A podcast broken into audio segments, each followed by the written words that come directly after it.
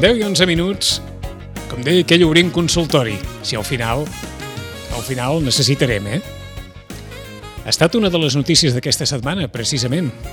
Ara no parlem tant ja, ho hem escoltat per primer cop, que la quarta onada és una onada emocional. És la onada de totes aquelles persones a les quals aquest any de pandèmia, per multitud de circumstàncies, ha afectat emocionalment. I ara comencen a, a sortir. Abans es deia molt això que ara, ara t'arriba.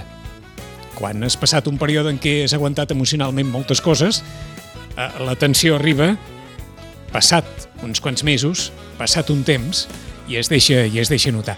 És un dels temes de la setmana que, que li volem proposar a en Roman Pérez i n'hi ha un altre també que, que li proposarem al llarg de la, de la conversa d'avui. Des del Centre de Reeducació de Vit al carrer Pau Barrabeig, número 16. Roman, bon dia i bona hora. Hola, bon dia. Bon dia i gràcies per l'espera. No, ja veus, encantat. Escolta'm, que, bueno, ja, ja, ja dius, efectivament... Eh, és, que, és que en el fons es diu el que tu havies dit, eh?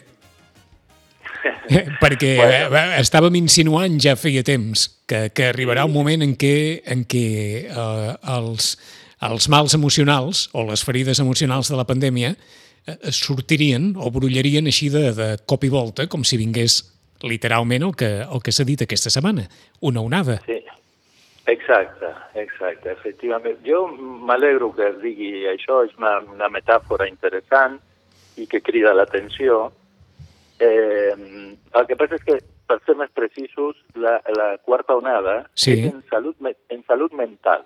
D'acord. Per, per, per fer una discriminació entre salut mental i benestar emocional.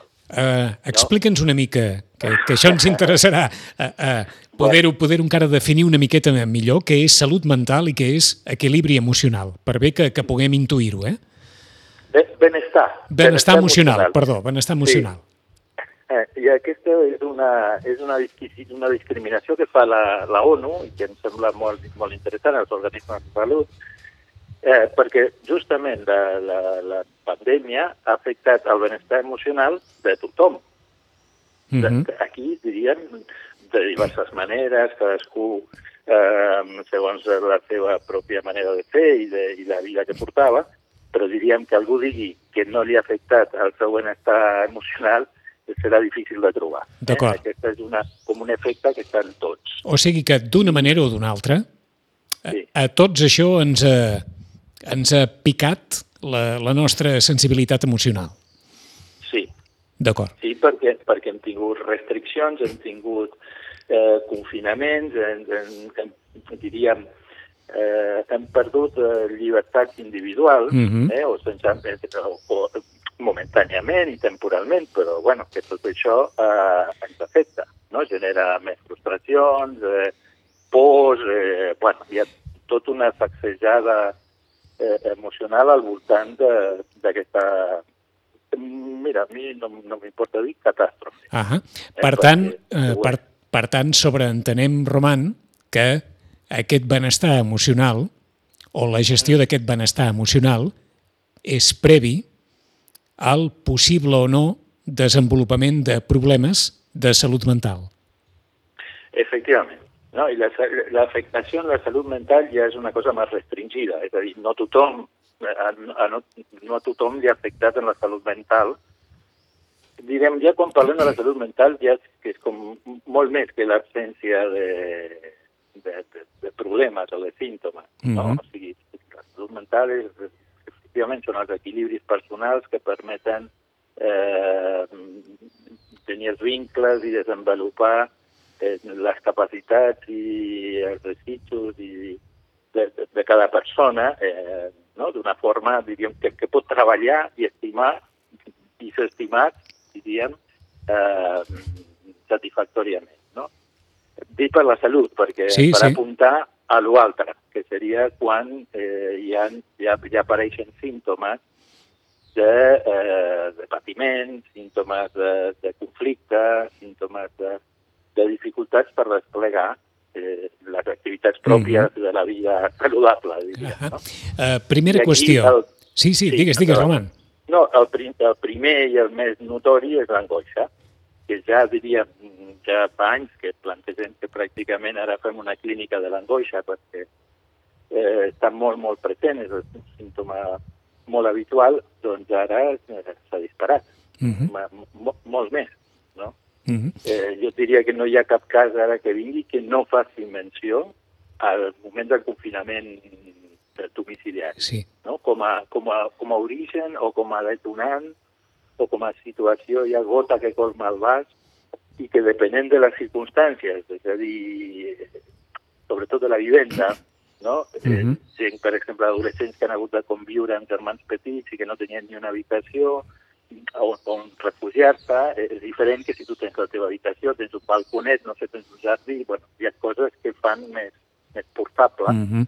eh, la qüestió, però per nosaltres ha sigut molt, molt temps, la convivència, eh, bueno, coincideix amb diferents problemàtiques, i eh, això, ja dic, va ser una, una sacsejada important.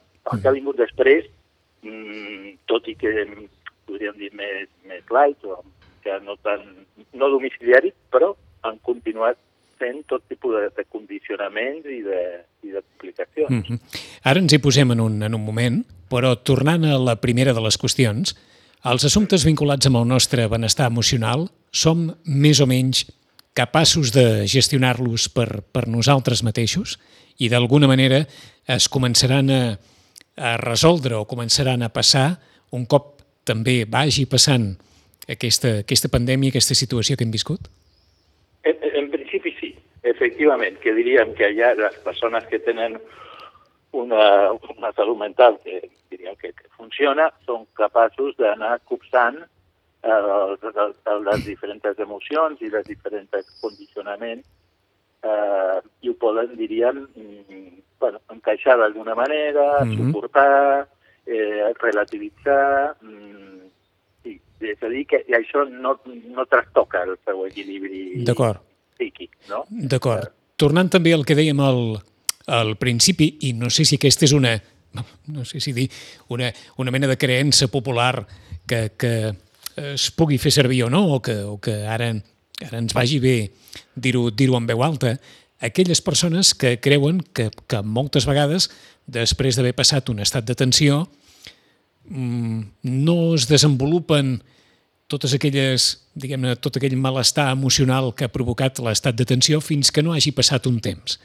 Com aquells que diuen, bé, has aguantat eh, tota la tensió que pot comportar, per exemple, cuidar un familiar eh, en els mesos finals de, de la malaltia i has aguantat perfectament fins, fins al final i, en canvi, un cop aquesta persona ja no hi és, al cap d'uns mesos t'apareix tota aquella, tota aquella tensió tot aquell, o tot aquell mal moment. Això, això és cert? Això pot funcionar així?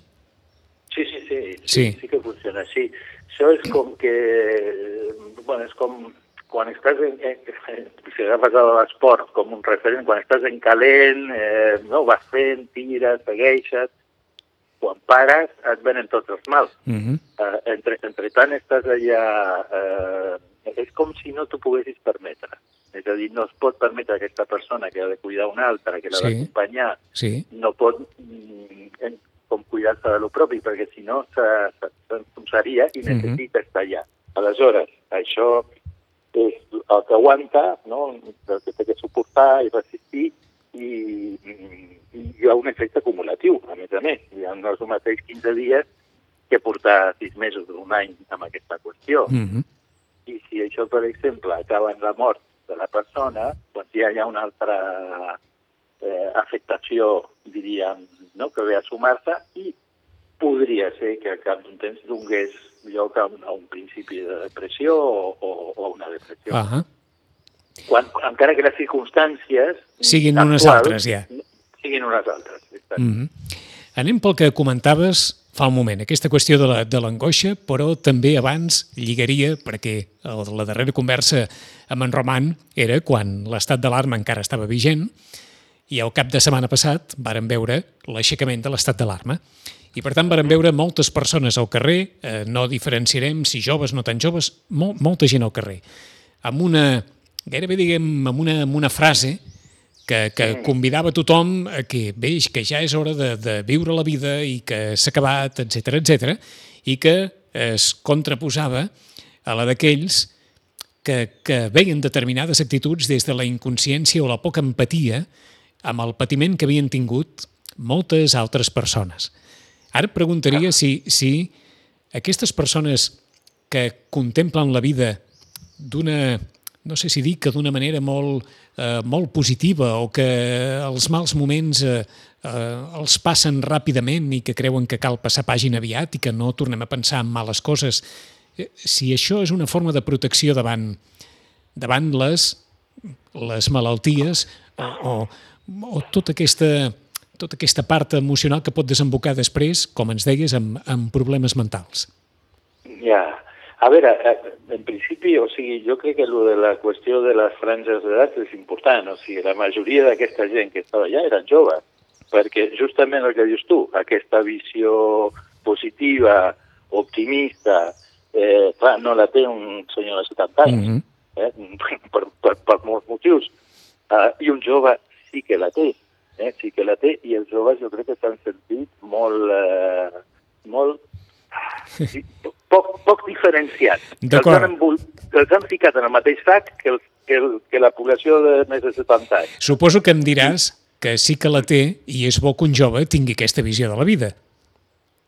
Sí, el qual no vol dir que hagin de sortir al carrer. No sé, com, va dir un, un blogger d'aquest, un, un youtuber que va sortir, que caia a la TV3, que era com, era del Polònia, crec que el van posar, que deia, però, però què esteu fent? O sigui, llibertat sí, que ara tal, però això no vol dir que us podeu fotre 10.000 persones totes juntes i sense mascareta.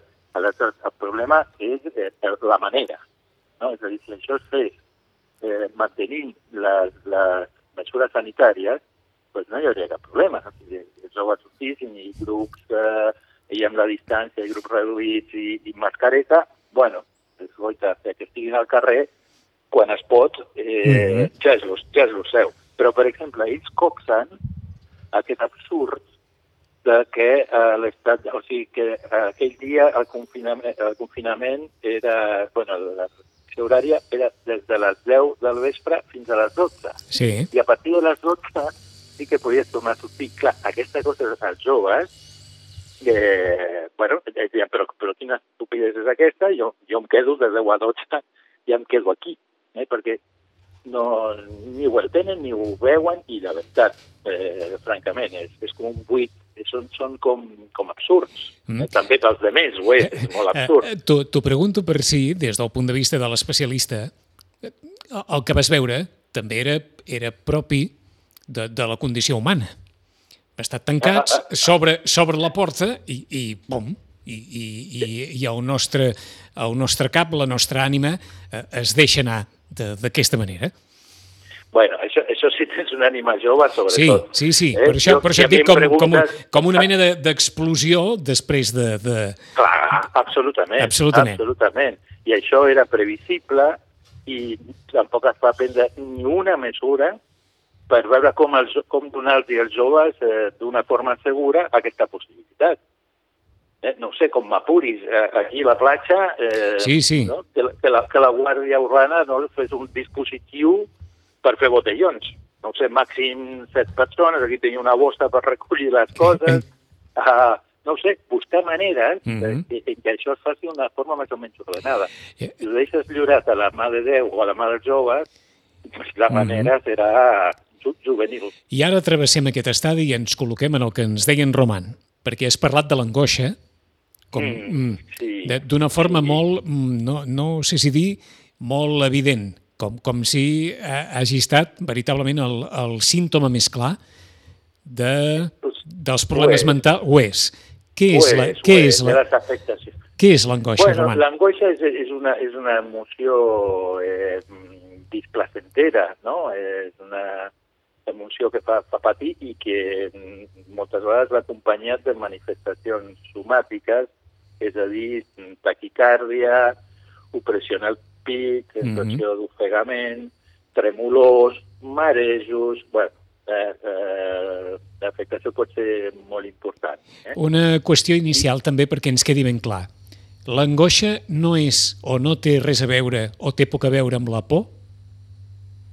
Eh, clar, s'ha de diferenciar. La por té un objecte concret. Eh? I hi ha pors, no sé com dir evolutives, no? Mm. Eh, que un nen de dos anys tingui por a la foscor eh, és el seu, no? o que tingui por de més petit als desconeguts. Sí. O, bueno, hi ha pors que venen... Eh, però diríem, normalment la por té un objecte. D'acord. Et poso, clar. et poso ara una, un exemple ben clar. Una persona que pugui dir en veu alta i en matises, eh, si, si, si Sí. això no és així o no. Bé, jo he tingut por a contraure la malaltia. He tingut Clar. por a morir. He tingut por a perdre la Clar. feina. Sí. Això són pors, eh? Això són pors. Això són pors. Home, és un motiu clar. Home, si no tens por d'això, ja Ahà. no sé de, de què pots arribar a tenir por. De la, Però, de per la, exemple, de de la la suma, de, de la suma de pors en fem una angoixa? No. No. No, no. No, eh? No, necessàriament. No que necessàriament, d'acord. No, l'angoixa l'angoixa justament el que més eh, costa de l'angoixa és que no té un motiu clar. Ahà. No, no, no hi ha una... Tu dius, estic trist perquè m'ha passat això, eh? Però si és, estic angoixat i en ve de sobte, en ve dormint, Sí, imagina't. O sigui, hi ha gent que es, es desperta amb una crisi d'angoixa. sí. Eh, és a dir, dius, i això surt?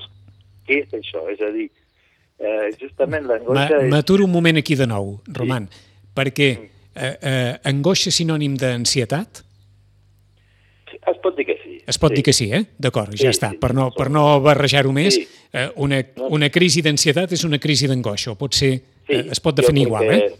Sí, la, la diferència seria molt fina. D'acord. No, per entendre'ns ja, ja està bé. D'acord, doncs ara ens col·locàvem en aquesta imatge que ens deies tu de persona que descansant o dormint en un moment donat de la nit eh, eh, Eh. es desperta i es desperta veritablement eh, angoixada. Clar. Efectivament. I això, no sé com dir, no és per dir, no és que qualsevol persona que dormi li pugui passar això, Ah, sinó que perquè té unes causes. No són evidents, no són conscients, però té una, una causa, o diverses, sí, que normalment té que veure amb coses que no volem afrontar. Eh? Tot això que es tira cap a sota l'alfombra, sí, eh, el que neguem, allò del que ens defensem, i són conflictes, diríem, que no, que no estan resolts i que d'alguna manera hem volgut eh, com, com no obviar o no, o no afrontar.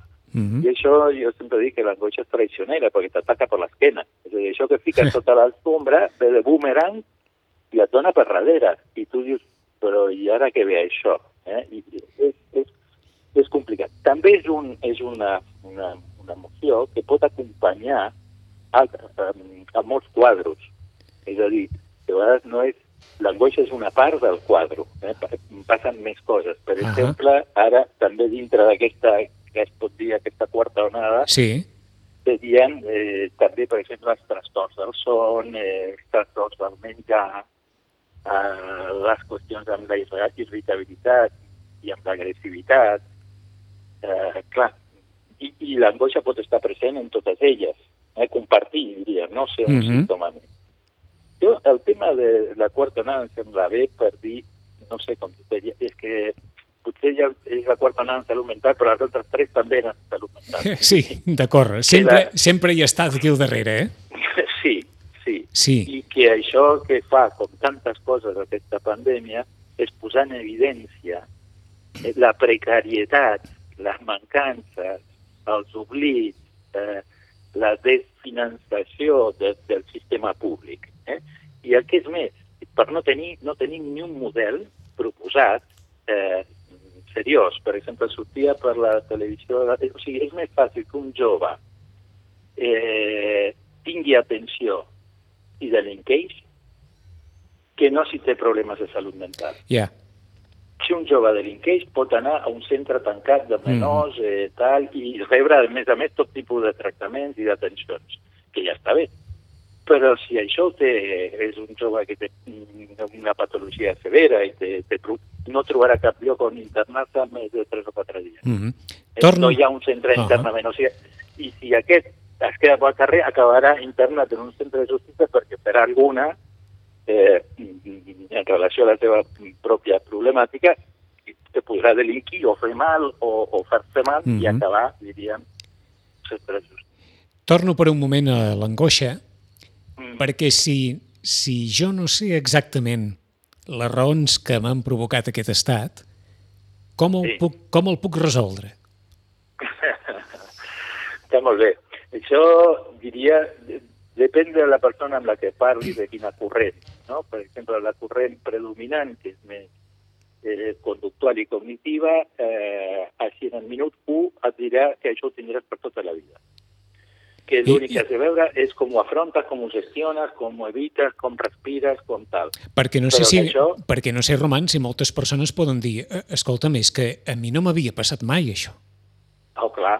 Sí. Per, tot hi ha una primera vegada en aquesta vida. D'acord. Per això no, no necessàriament, eh? O sigui, l'angoixa forma part de l'estat de la salut mental.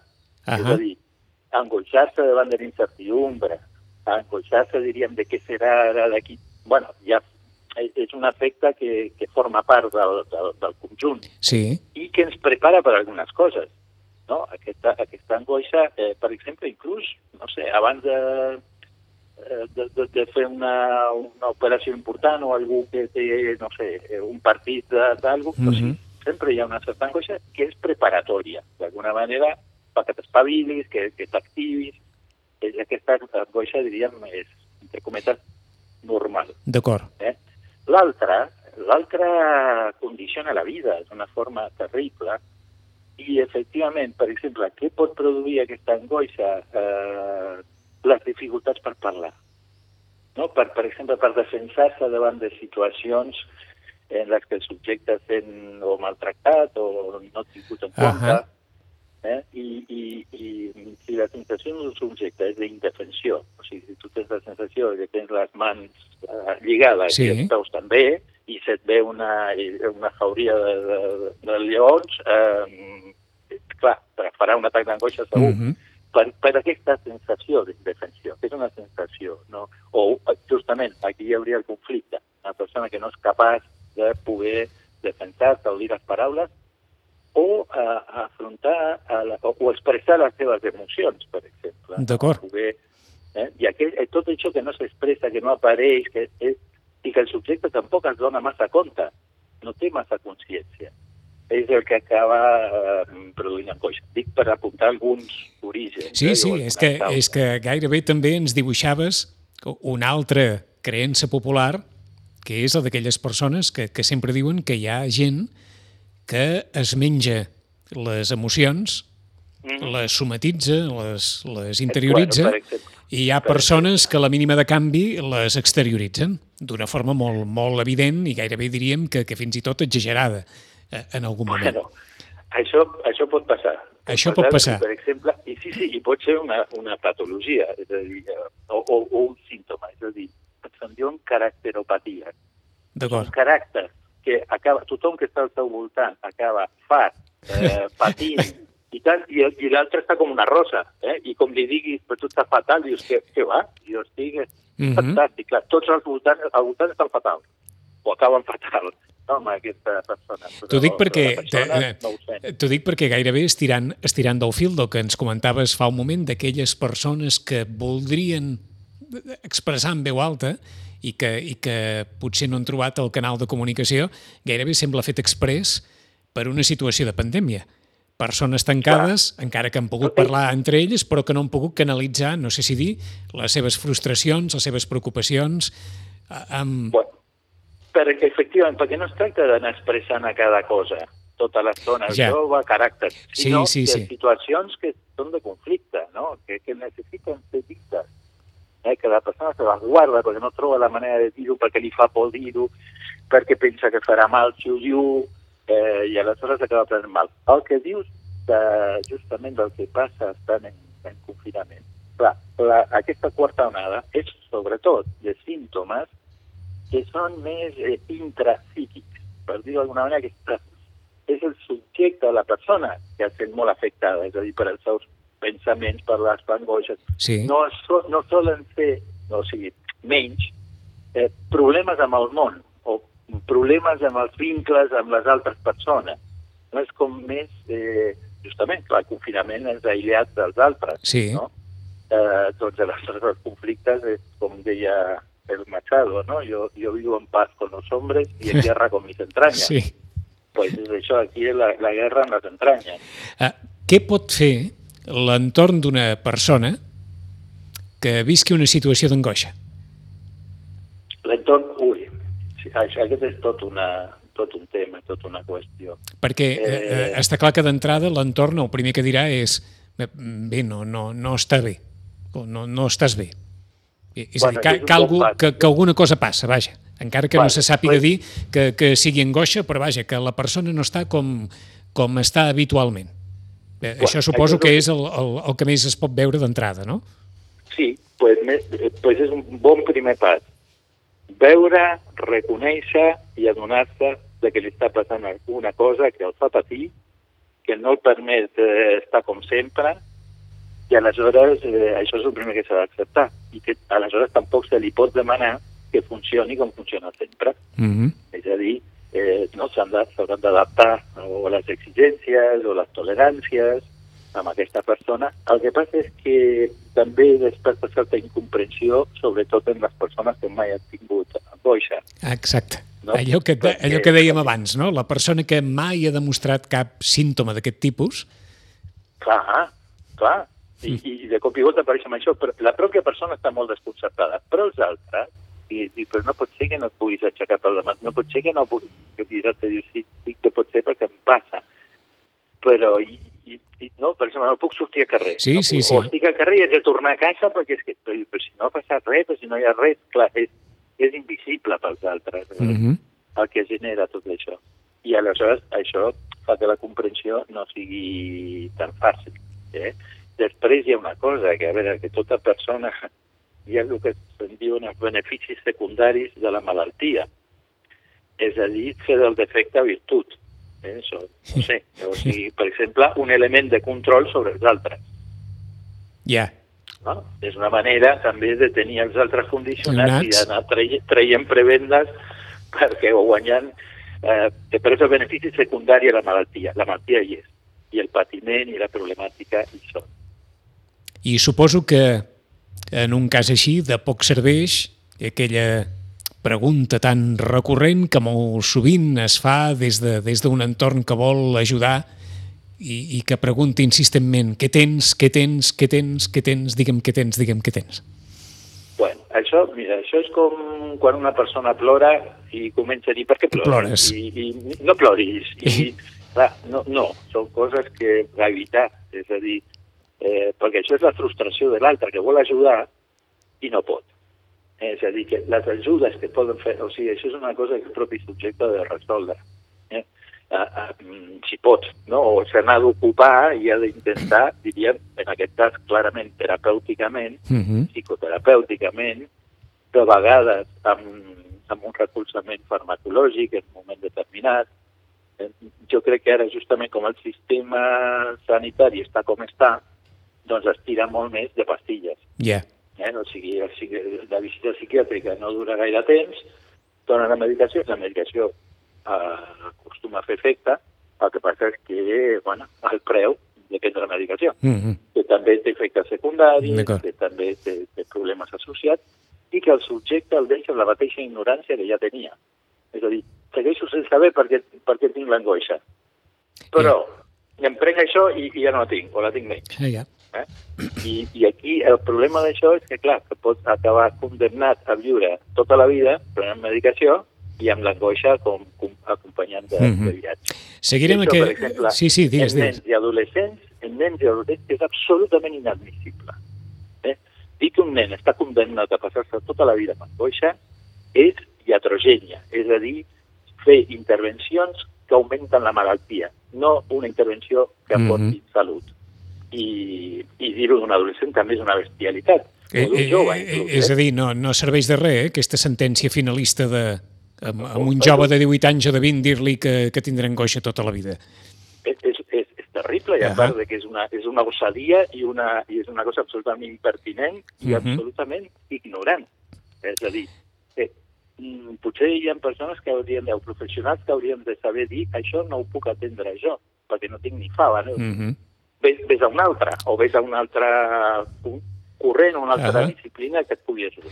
Una qüestió final, perquè seguirem, òbviament, amb, amb aquest tema, però m'ha vingut també, mentre escoltàvem Roman, pensàvem, fa una setmana va venir a Sitges el president Quim Torra per presentar el seu llibre del, del confinament i reconeixia, com ha reconegut en veu alta a diferents mitjans, que va haver un moment quan ell estava confinat a la casa dels canonges en aquests 45 dies de confinament i el mateix Torra confessava que va haver un moment en què no podia parar de plorar. Yeah. Que, que plorava d'una forma continuada, desbocada, i que ell mateix s'angoixava perquè sabia que en algun moment o altre havia d'intervenir en diferents mitjans i tenia aquella angoixa, aquella por de pensar que en algun moment d'aquestes intervencions als mitjans eh, eh, es posaria a plorar i que no hi hauria forma de, de poder-ho de poder controlar. I ell mateix va reconèixer que es va posar en mans d'una psicòloga que el va ajudar a reconduir aquesta, aquesta situació, a posar, a posar de peus a terra, i, i ho va dir en veu alta, i quan ell mateix també confessava que no que no n'havia, vaja, que, que mai havia necessitat eh, d'un professional que, que l'ajudés en aquest assumpte, però definia obertament la situació com una situació que ho superava i que li, li impedia de, de deixar d'aturar el plor, sinó que, que plorava d'una forma continuada totes les, totes les hores del dia. Clar. Uh, Clar, és que això, si no tens que fer rodes de premsa ni compareixen, no sí, sí. bueno, pots passar plorant, i ja, però després introdueix la por a plorar en públic, per -huh. exemple, o davant de la ah, Exacte, exacte. Anava per aquí bueno. per això, però perquè sí. per, per tancar, plorar és bo, suposo, no?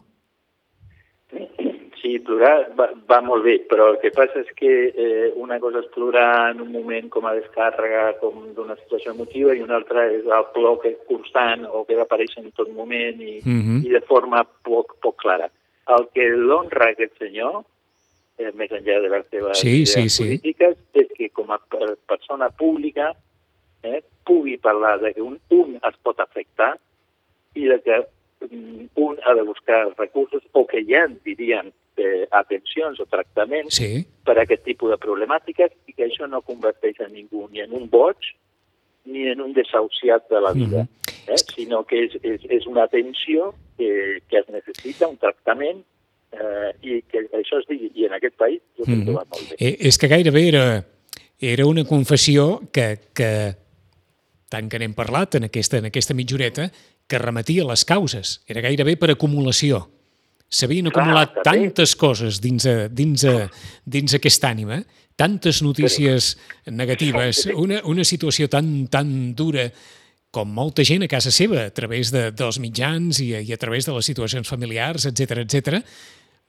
que va, havia desembocat en, veritablement en una situació en la qual la pròpia persona no podia gestionar emocionalment tot allò que li passava. No? I per això dic, per aquí també deu anar... És que Clar, tu mira en quin lloc estava. Hi ha una cosa que estem d'acord amb tota la gent que he parlat, és que ningú voldria veure's en el lloc d'un governant en plena pandèmia. Sí, sí, està clar. Eh? Això no vol ningú, no, no, no m'ha trobat ningú que diu sí, sí, jo voldria, ostres, jo no voldria ni veure'm en aquesta situació on has de prendre decisions, on et connectes i contactes amb realitats eh, molt doloroses i, i molt traumàtiques, mm -hmm que tot això família. I, i, una, I una més encara. Saps què li va dir la psicòloga, entre altres coses?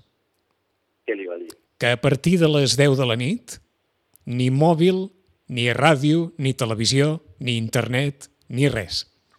Fantàstic. Fantàstic. Ho dic Vaja, perquè quan ho vaig escoltar vaig pensar, dic que aquest suposo que també és un consell que ens podem aplicar si veiem que ja no podem més, eh?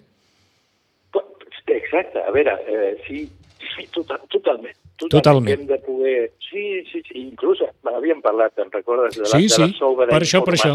Sí, sí. Està tot el dia enganxat a les notícies. Clar, d'aquí, no sé, jo sempre dic, mirem el Telecomarques, tu, que és molt més... Tenen bones notícies, sí, hi ha, hi ha projectes sí. que fan aquí, sí. allà, com resolen problemes. Sí, sí. El, el, el, el Telenotícies és, un, és, és el Teledesgràcia, és, un, és un al cantó de l'altre. que no pots estar tota l'estona fent inputs de, de, de desgràcies, perquè, sí, sí. clar, et desgràcies tu. Sí, sí. Sense gairebé d'una forma inconscient, eh? Sí, sí, sí, home. D'una forma inconscient va, va entrant bueno, la negativitat mira. dins nostre, d'una forma inconscient va entrant, va entrant pues, tot. Pues sí. Sí. Sí, i aquí, aquí fixa't, eh, jo crec que entrem en la qüestió dels professionals en general que atenen situacions traumàtiques, difícils, conflictives. Eh, per exemple, tot el personal sanitari Sí, eh, que ha quedat, òbviament, eh, trasbalsat i afectat i que ha necessitat eh, recolzament psicològic, per dir-ho així, i en Està alguns clar. casos tractament psicològic. està clar. I això és una cosa que s'hauria de contemplar també en aquest sistema de, de salut públic, Mhm.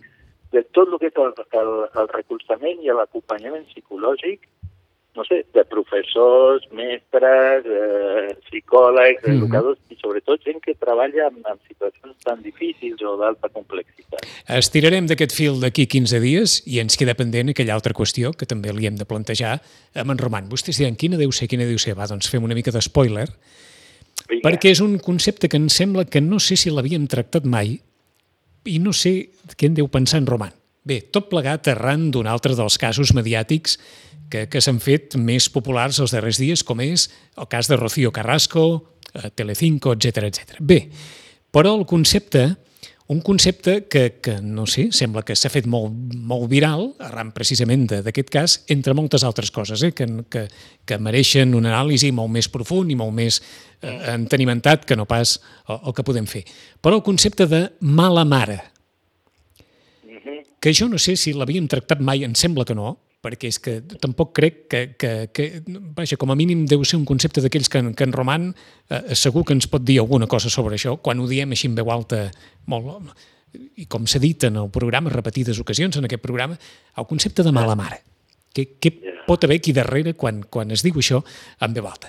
Però en 15 dies hi tornarem, que, que, que avui, que avui ja em sembla que amb això de l'angoixa eh, mol, molts es podran agafar precisament aquesta anàlisi d'en Roman per intentar a veure si, si després d'aquesta pandèmia o ara que ens sortim algú que ho hagi passat eh, malament o que ho estigui passant malament o que cregui que ho pot estar passant malament, pugui trobar una, una sortida en aquestes reflexions de- d'en Roman.